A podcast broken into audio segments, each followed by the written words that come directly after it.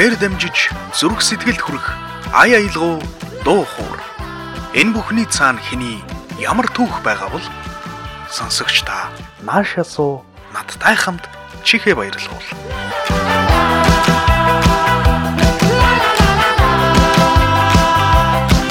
Хөтлөгч чанагийн чихээ баярлуул нэвтрүүлэг.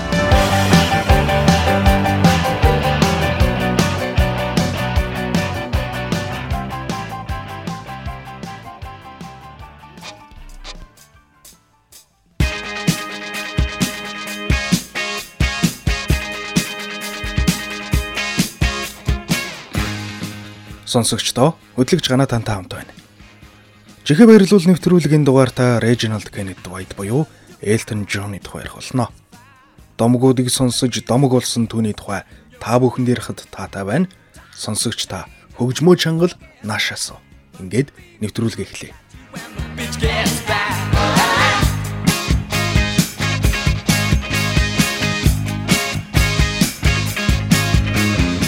Их Британий эзэнт гүрний сүр жавхланд хатан хааны Вестминстер ордноос буюу Лондон хотын төвөөс 25 км зайтай орших Пинер хотонд 1947 оны 3 дугаар сарын 25-ны өдөр Reginald Kenneth White мэндэлжээ. Reginald хүү эмээгийнхээ төгөлдөр хууран дээр тоглож авьяасаа нээсэн байна. 7 настай жаал хүү сонсголоор скейтер волцыг тоглож байхыг ээж нь хараад төгөлдөр хуурын ангид оруулсан түүхтэй. Ингээд тэрээр Бетховен, Шопен, Моцарттай нөхөрлөж хагасаа өдөр болгон найрал дууны сургуульд явах болсон юм. 11 настайдаа эзэн хааны хөгжмийн академи буюу манахар хөгжим бүжийн консерваторид суралцах тэтгэлэг авч чадсан. Режиналдын ав цэргийн нисэх хүчний нисгэж байсан бөгөөд залуудаа жаз, дагшаа найрал хөгжимд турбаач байсан учраас пянзны ариун их цуглуулгатай байлаа. Гэвч Стенли Двайт хүүгийнхээ хөгжмийн чадрыг хайхарч үздэггүй, банкир болохыг хүсдэг нэгэн байсан гэдэг. Хатуу чанд эцэг нь хөгжим тоглохтон дургүй пензаны цуглуулгадааж гар хүрдэггүй байсан гин. Аавынхаа пензаны цуглуулгыг нууцаар сонсож хөгжим дулам дуртай болсоор байлаа. Авьяас өөрөө юу хийхээ сонгодог гэдэгчлэн Reginald хөө хөгжмийн уран бүтээлч амьдралыг сонгосон юм. Ингиж баригдмал өссөн учраас хожмоо Elton John болж дэлхийн тайзан дээр гарахдаа янз бүрийн содон хачин ховцлог болсон гэж тэрээр дурсдаг. Түүнийг 14 настай байхад нь аав ээж хоёр нь салж ээж нь бодлогын Fred Fair Brother гэдэг нэртэй зурагчтай гэрэлсэн. Хойд эцэг гэдэг үг ягаад ч юм хүмүүст таагүй сонсогддог хэдий ч Фред өөр байсан гэдэг. Режиналдыг дэмждэг төрсөө дөрөөр нь тухайн үеийн уран бүтээлчдийн пянзыг бэлгэлдэг нэгэн байжээ. Ингээд Режиналд Элвис Преслигийн пянзыг сонсож рок н ролд гүн дурлсан гэдэг.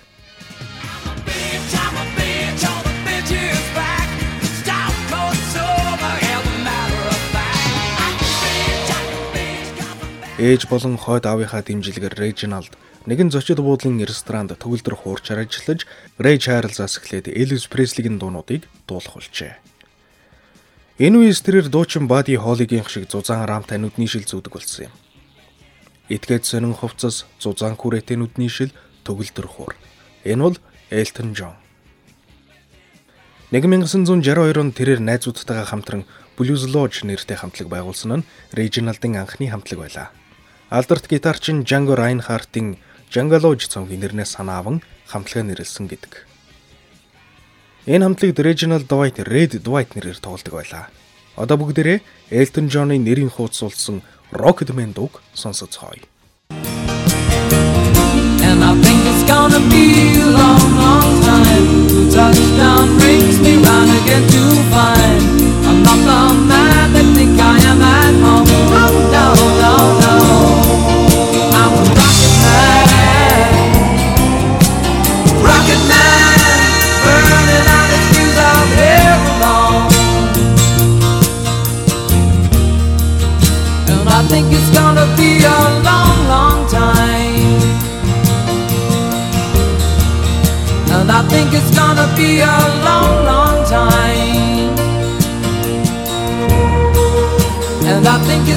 Be a long, long time. And I think it's gonna be a long, long time. And I think it's gonna be a long, long time.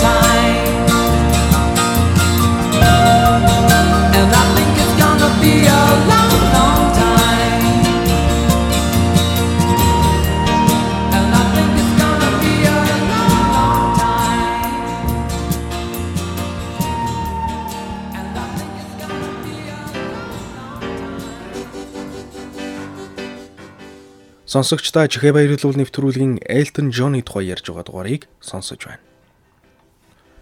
Блюзло чамтлагтайгаа уран бүтээлээ хийж байх үедээ хамтлагийнхаа саксофонч Элтон Дини нэрийг авч дуучин Long John Baldry-гийн John нэрээр овоглох болсон юм. Элтон Джонны амьдралаар хийсэн Rocketman кинонд Beatles-ийн John Lennon-ы нэрийг авсан гэж гардаг ч үнэн дээр найруулагч болон гол дүрийн жүжигчин Торон Эжертон нарын уран сайхны хэдрүүлгэжээ. Элтон Джон ба Блюзло чамтлаг Англид аялан тоглолтоо хийж байсан хар арьст Америк дуучдын ард хэсэг тоглосон нь тайзны туршлагатай болгосон юм.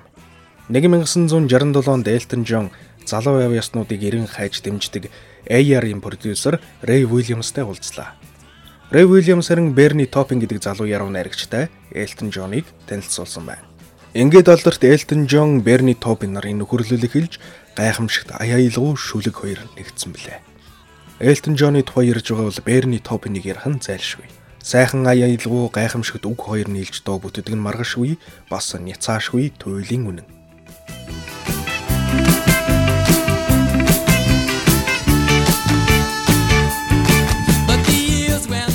Дууны яруу найрагч East Midland-аас гаралтай Bernie Taupin 1950 онд мэндэлсэн. Түүний ээж Францын утга зохиолын судлаач байсан бол өвөө нь Кембрижийн их сургуулийг төгссөн сонгодог уран зохиолын багш байсан юм. Ийм учраас Bernie Taupin утга уран зохиолтой ойрхон дурлаж өсчээ. Өсвөр насндаа жижиг сонины газар дагалдангаар ажиллаж байсан гин Ингэж яваад нэг өдөр AT Records-ын Ray Williams-тай танилцсанаар 1967 онд 17 настайдаа Elton John-тай уулзсан юм. Магадгүй Bernie Taupin гэж яруу найрагч байгаагүй бол Elton John төдий алдрын өргөлд хүрч чадах эсхийг шууд хэлж чадахгүй. Beatles-ийн Paul McCartney-г продюсер George Martin ийм тийм дуу хийгээд гэхэд 5 минутанд л гаргадаг их гарын халтуурчин л гэсэн үг хэмээн хэлж байсан шиг Elton John, Bernie Taupin нар хамтран дуунуудаа араараас нь гаргасаар 1969 онд Empty Sky цомгоо гаргасан юм. Elton-ы энэхүү анхны цомог Их Британий чартуудад төдийлөн амжилт гаргаагүй ч Америк нэгдсэн улсад топ 10-т тэр дундаа 6-ад бичигджээ. —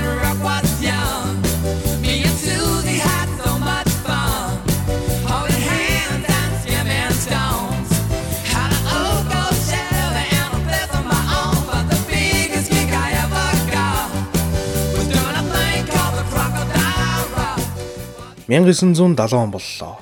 Beatles хамтлаг дуулайнтайгаар тарж Brian May, Freddie Mercury, John Deacon, Roger Taylor нар Queen хамтлагаа байгуулж ганцхан жилийн настай үлдсэн гэдгээ мдээгүй доор самтлагийн дуучин Jim Morrison тарьсан хэргийнхээ төлөө шүүхийн хаалга татаж хожим алдартай дуучин болох дөнгөж төрөөд байсан Carey өлгийдөө 50 норсож байсан энэ онд Elton John хэдхэн сарын зайтай хоёр цомгоо худалдаанд гаргаад хөгжмийн ертөнцийг донсолгоод авлаа.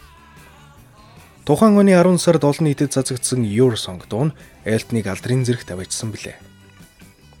Өнгөрсөн жил гаргасан цомог нь олныг шуугуулж чадаагүй бол энэхүү Your Song цацагдмагцаал Их Британий чартад 7-д, Америк нэгдсэн улсын чартад 8-д бичигдсэн юм.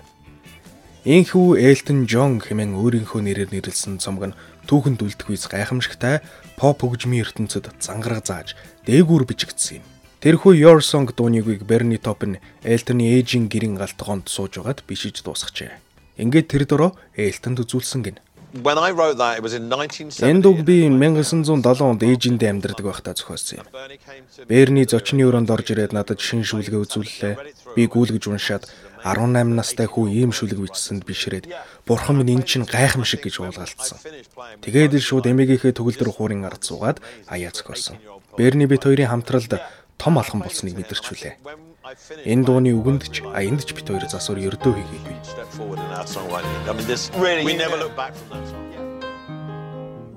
It's a little bit funny this feeling inside.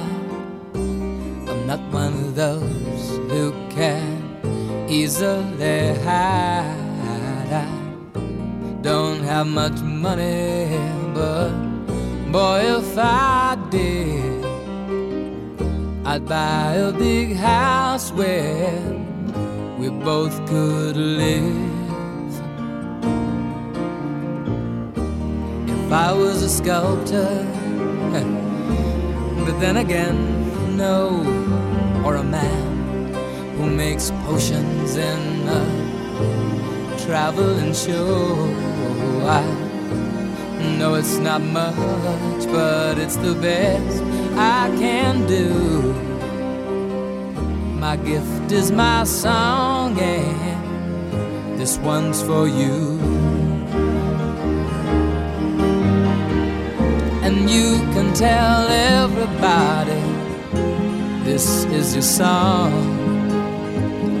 It may be quite simple, but now that it's done, I hope you don't mind. I hope you don't mind that I put down the words how wonderful life is while you're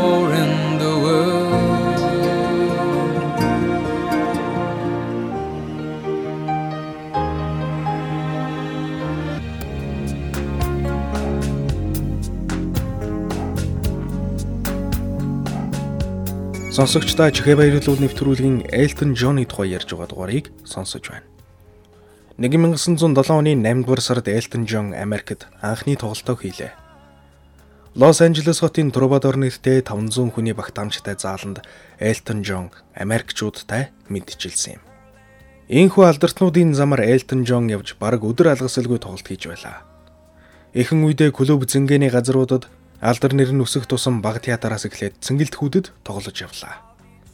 Тухайн онд хоёр цомог зэрэг гаргасан гэж ярьж байсан дээ. Эхнийх нь мэдээж Elton John цомог бол хоёр дахь нь Tumbleweed Connection байлаа. Энэхүү хоёр цомог нь Elton-д анхны алтан болон платинум пянз шагналуудыг авчирсан. Студийн дөрөв дэх цомог Madman Across the Water Америкийн нэгдсэн улсын чартад 8-д жигссэн бол 1973 онд гаргасан алдарт Rocketman дуу багтсан Honky Chateau цомог нь Тухайн үедээ Billboard-ын шилдэг 100 цомгийн жигсаалтын тэргүнд заларсан билээ. Хоромхон зур алдар нэрийн оргил руу харавсан сум шиг өгссөн Элтон Джон зугаа цэнгэл арх дарс мансууруулах бодсонд автаж эхэлжээ. 1975 онд Лос Анжелест гийсэн Элтоны 7 хоног цуврал арга хэмжээнийхээ үеэр тэрээр мансууруулах бодис хэтрүүлэн хэрэглэж улмаар хэдэн хоног юм идэж чадахгүй шаналжээ. Эмнэлгийн нарийн мэрэгжлийн зүйлийг бүрэн тайлбарлаж чадахгүйч Элтон хоол хоолой давуулаад л өгөж бөөлждөг болсон байсан гин. Энэ нь мэдээж хорт зуршлаас нь үүдэлтэй. Бусдын жишгээр гэдэг үгийг хөтлөгч би хашилтанд дундгэлж байна. Алдар нэртэй бусад одуудын жишгээр Элтон Джонны бэлгийн чиг баримжаа өөр. 1960 оноос эхлээд Элтон өөрийгөө ижил хүүстэн гэдгийг мэдсэн юм. Үүнийгээ мэдсэний дараа сэтгэлийн дарамтанд орж амиа хорлох гэж оролцсон ч Берни Топ нь азар аварсан гин. Элтон Джонны анхны найз залуу нь түүний менежер Джон Рейд байлаа. Дашрам дуртахад Джон Рейд нь алдарт Queen хамтлагийн менежерээр хэсэг ажиллаж байсан түүхтэй. Ер нь Элтон Джон Рейдийн анхны үйлчлүүлэгч байсан юм. Хорч өрөөгөө залуу Джон Рейд менежерийн агентаа нэгэд удалгүй Элтонтой танилцж түүнийг төлөөлөх болжээ. Элтон Рейд 2 5 жил амргийн харилцаад байсан бол ажил хэргийн харилцаа нь 1970 оны ихээс 1998 оны хүртэл үргэлжилжээ аль аль харилцаанд тимч таатаа дуусаагүй. Уран бүтээлч хүний ялангуяа зэрлэг барууны ертөнцид амьдарч буй уран бүтээлчийн амьдрал үргэлж өрсөлдөөн дунд олны хараанд байдаг. Тийм ч учраас бусдаас өөр байх гэж, бусдаас төрүүлж сэтгэх гэж, муухайгаар хэлвэл гаж үйлдэл гаргадаг байх гэж хөтлөгч би боддөг юм. Шүтэн бишрэгчдийн уухай алдар нэр шар хэвлэлгээд өч төчнөн зүйлсээс болж хүн өөрийнхөө байж чадахгүй ирдэг байх.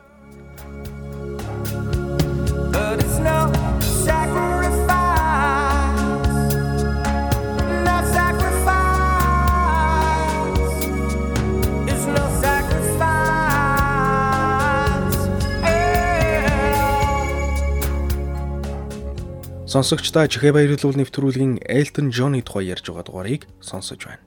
Elton John Beatles-ийн John Lennon-тай хамтран уран бүтээл хийж байлаа. Elton Lennon-ы 1974 онд худалдаанд гаргасан Walls and Bridges цомогт Whatever Gets You Through the Night дууг хамтран дуулжээ.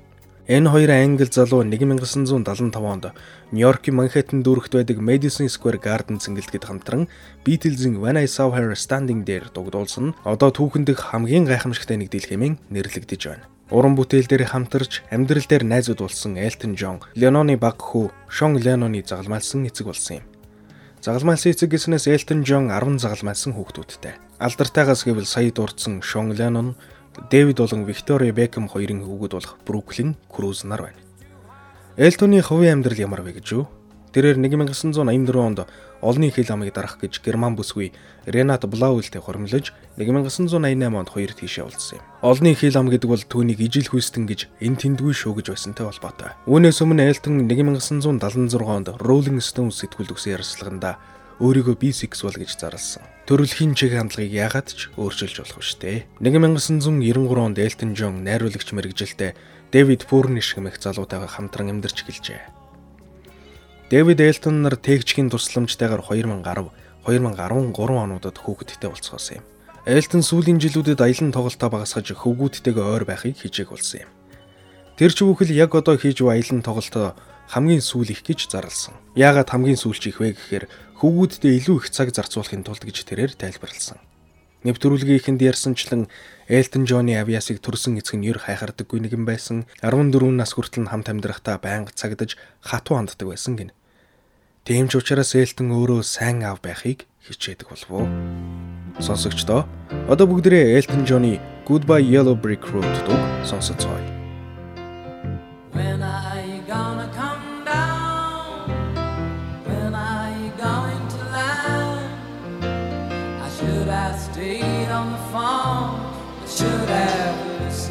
listened to my oh own mind.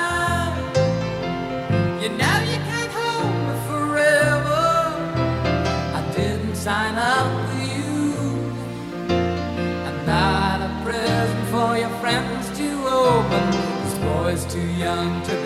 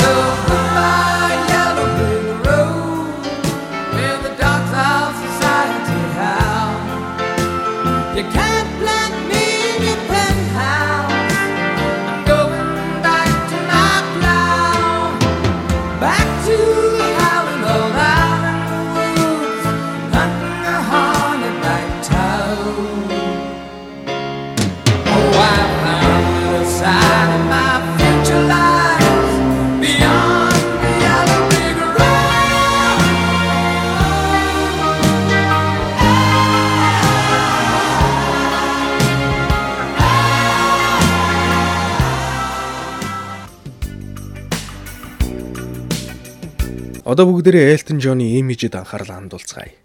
Амьдрал дээр игэлж ирийн даруухан тэрээр тайзан дээр гарахдаа шал өөр нэгэн болоод хувирчдаг.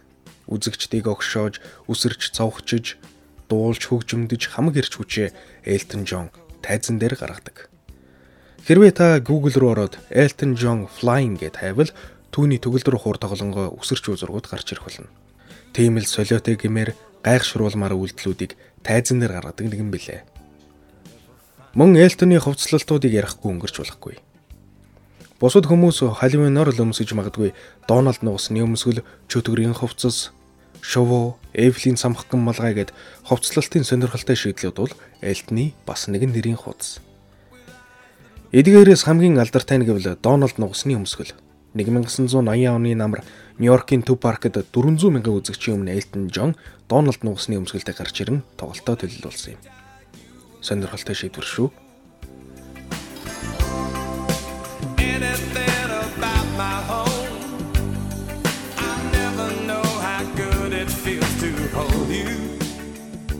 Элтон Джон 1970-ад оны дундаас мансууруулах бодисын хит хамааралд автаж сэтгэц эрүүл мэндэд нөлөөлж цэргийн засах хэмжлэгийг хийлгэж байж буцаад хөл дээрээ боссон төвхтэй. Цаашид дэгж дайрахж явах хэрэггүй гэдгийг ойлгоод Элтон мансууруулах үз болон согтууруулах ундаа хэрэглэхээ огт болцсон. Элтон саяхан Instagram-да 29 жилийн өмнө замаа алдчихсан байлаа. Тэгээд эцсийн эцэс надад туслаач гэж бусдаас гуйх зөрөгтэй болсон юм. Энэ хугацаанд намайг дэмжиж тусалж байсан бүх хүмүүстээ баярлалаа гэж бичин цогтууруулахундаа мансууруулах үдсийн нөлөөнөөс гарч өөрийгөө ялж чадсан хүмүүст урам зориг өгсөн юм.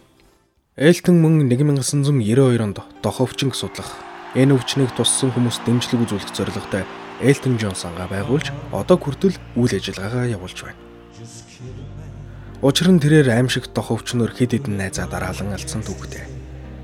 Тэдний нэг бол Queen хамтгийн дуучин домогт Freddie Mercury байлаа. 1985 онд Элтон Джон Африкийн үлсгэлэн нэрвэгдсэн хүмүүст туслах Live Aid тоглолтод оролцсон юм. Америк нэгдсэн улсын Филадельфия, Английн Лондотыг Вембли зингэлдэх гээд олон улс оронд нэгэн зэрэг хийсэн энэ тоглолт одоо хүртэл шагшин яригддаг. Элтон Джон Вемблид болсон тоглолтод нь оролцсон. Гэхдээ тэр тоглолтыг өөр хамтлаг эзэмшигсэн билээ. Хэн ямар хамтлаг вэ гэдгийг та өөрөө мэдж байгаа үзье.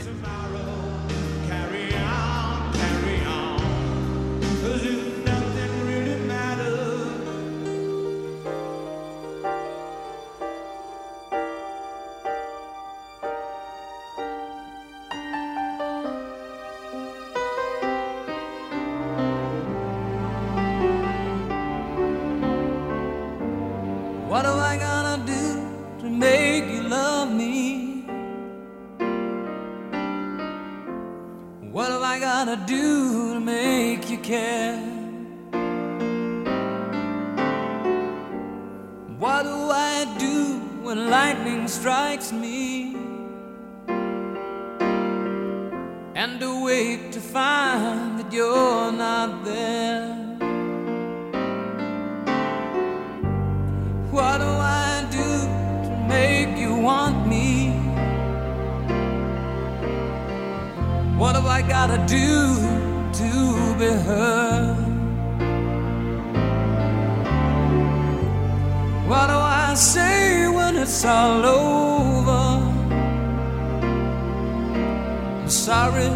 seems to be the hardest word. It's sad, so, so sad. Oh, it's a sad, sad situation, and it's getting more and more absurd. It's sad, so, so, so sad. Why can't we talk it over? It seems to me that sorry seems to be the hardest word.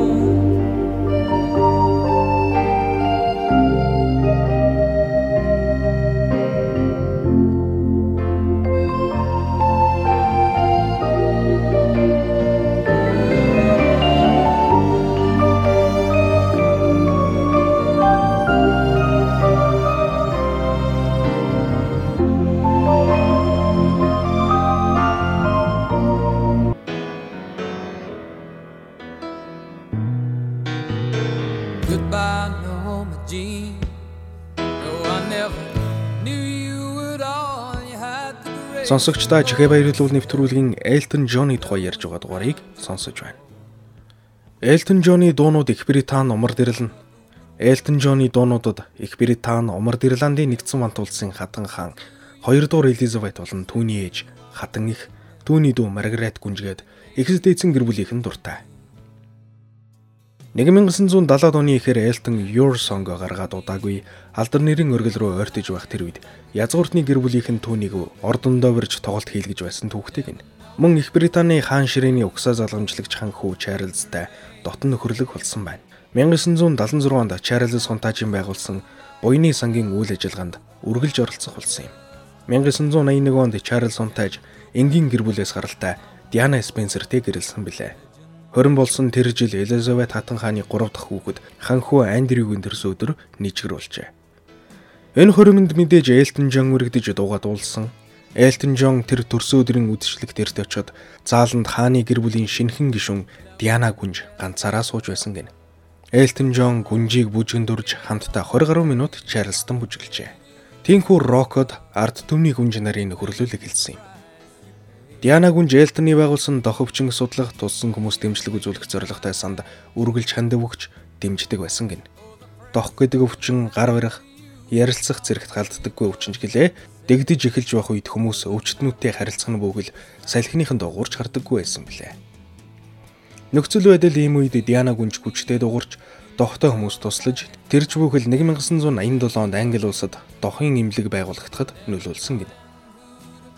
Түүнчлэн 1989 онд Диана гүнж телевизийн камерын өмнө өвчтөнтэй гар барьж тэврэлцсэн бөгөөд энэ нь дохын халдвар авсан хүмүүсийг ялгуурлангаа дуурхаж жирэхдэг байсан нийт олонний үзлийг өөрчилсөн түүхэн үйл явдал болсон байна.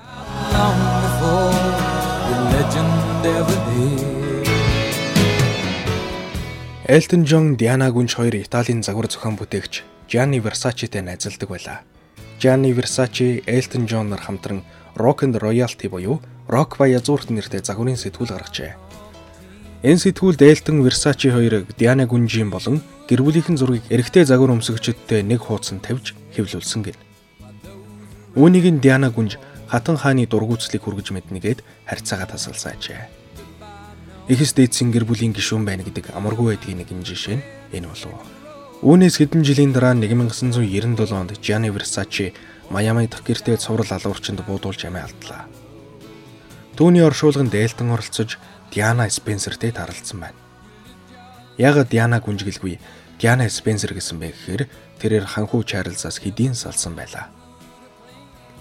Тэр оршуулгын дараа Элтон Диана хоёр удаан ярилцаж хуучны нөхрөлөө сэргээсэн билээ. Гэхдээ тэр уулзалтаас ердөө 6хан 7 хоногийн дараа Диана автослоор Парист нас оржээ. Дотны найз ард түмний хайртай гүнжид зориулан Элтон Джон, Берни Топин нар Candle in the Wind дууныхаа үгийг баяртай английн сар 8 чи ард түмний зүрхэнд үүр дэгшиглэх болно гэж өөрчлөн Дианадаа зориулсан шинэ хөлбраа гаргасан юм. Элтон Джон энэ дууга ард түмний гүнжин оршуулган дээр дуулсан билээ.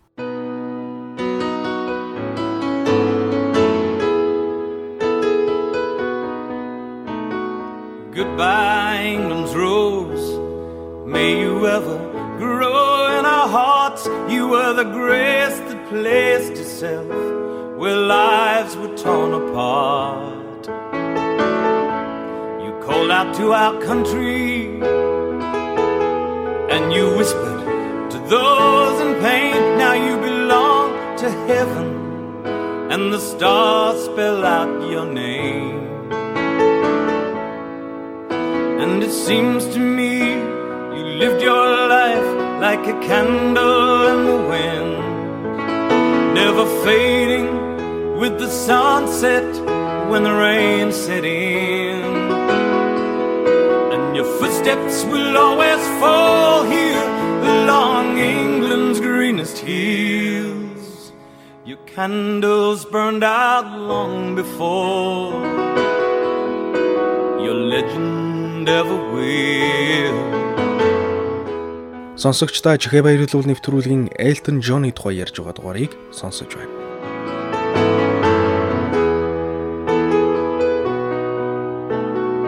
Loveliness we've lost these empty days without your smile this torch we'll always carry for our nation's golden child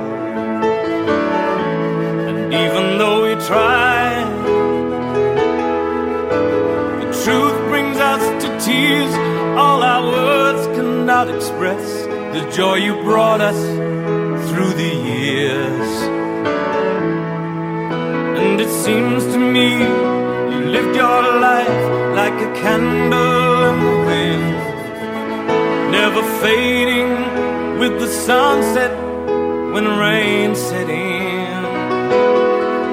And your footsteps will always fall here along Your candles burned out long before your legend ever will.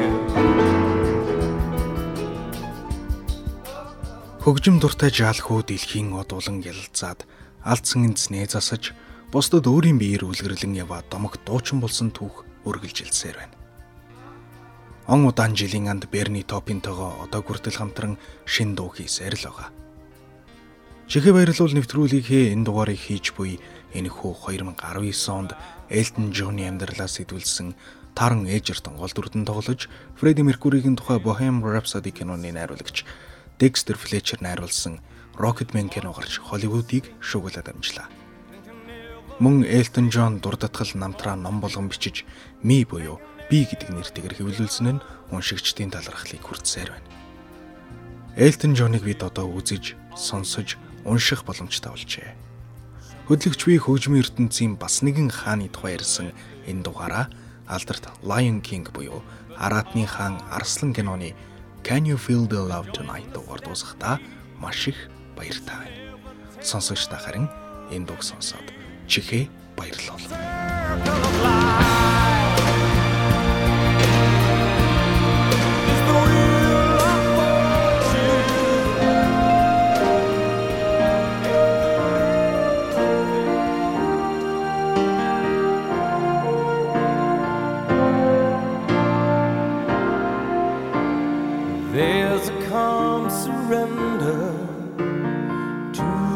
Rush of day when the heat of a rolling wave can be turned away. An enchanted moment, and it sees me through. It's enough for this restless warrior just to be with you. And can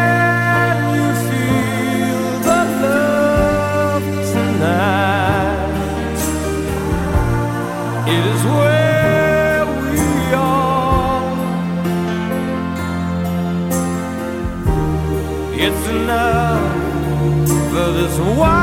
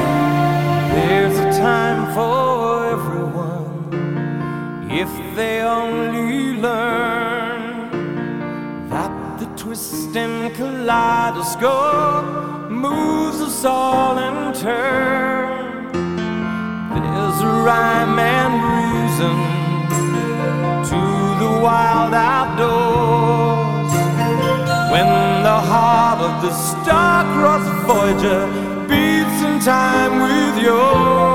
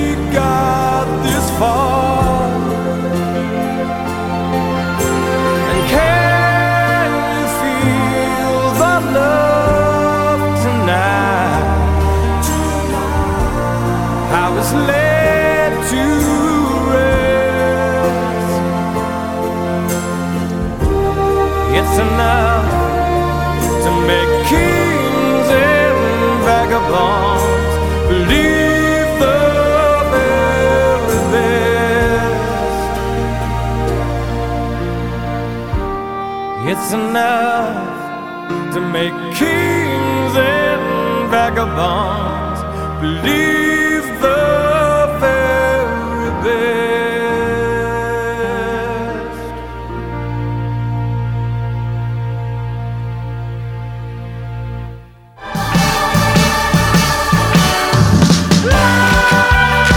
Чихээр дамжиж зүрх сэтгэлд хүрэх ая аялгау дуу хуур. Энэ бүхний цаана хэний ямар түүх байгаа бол сонсогч та нааша суу надтай хамт чихээ баярлуул.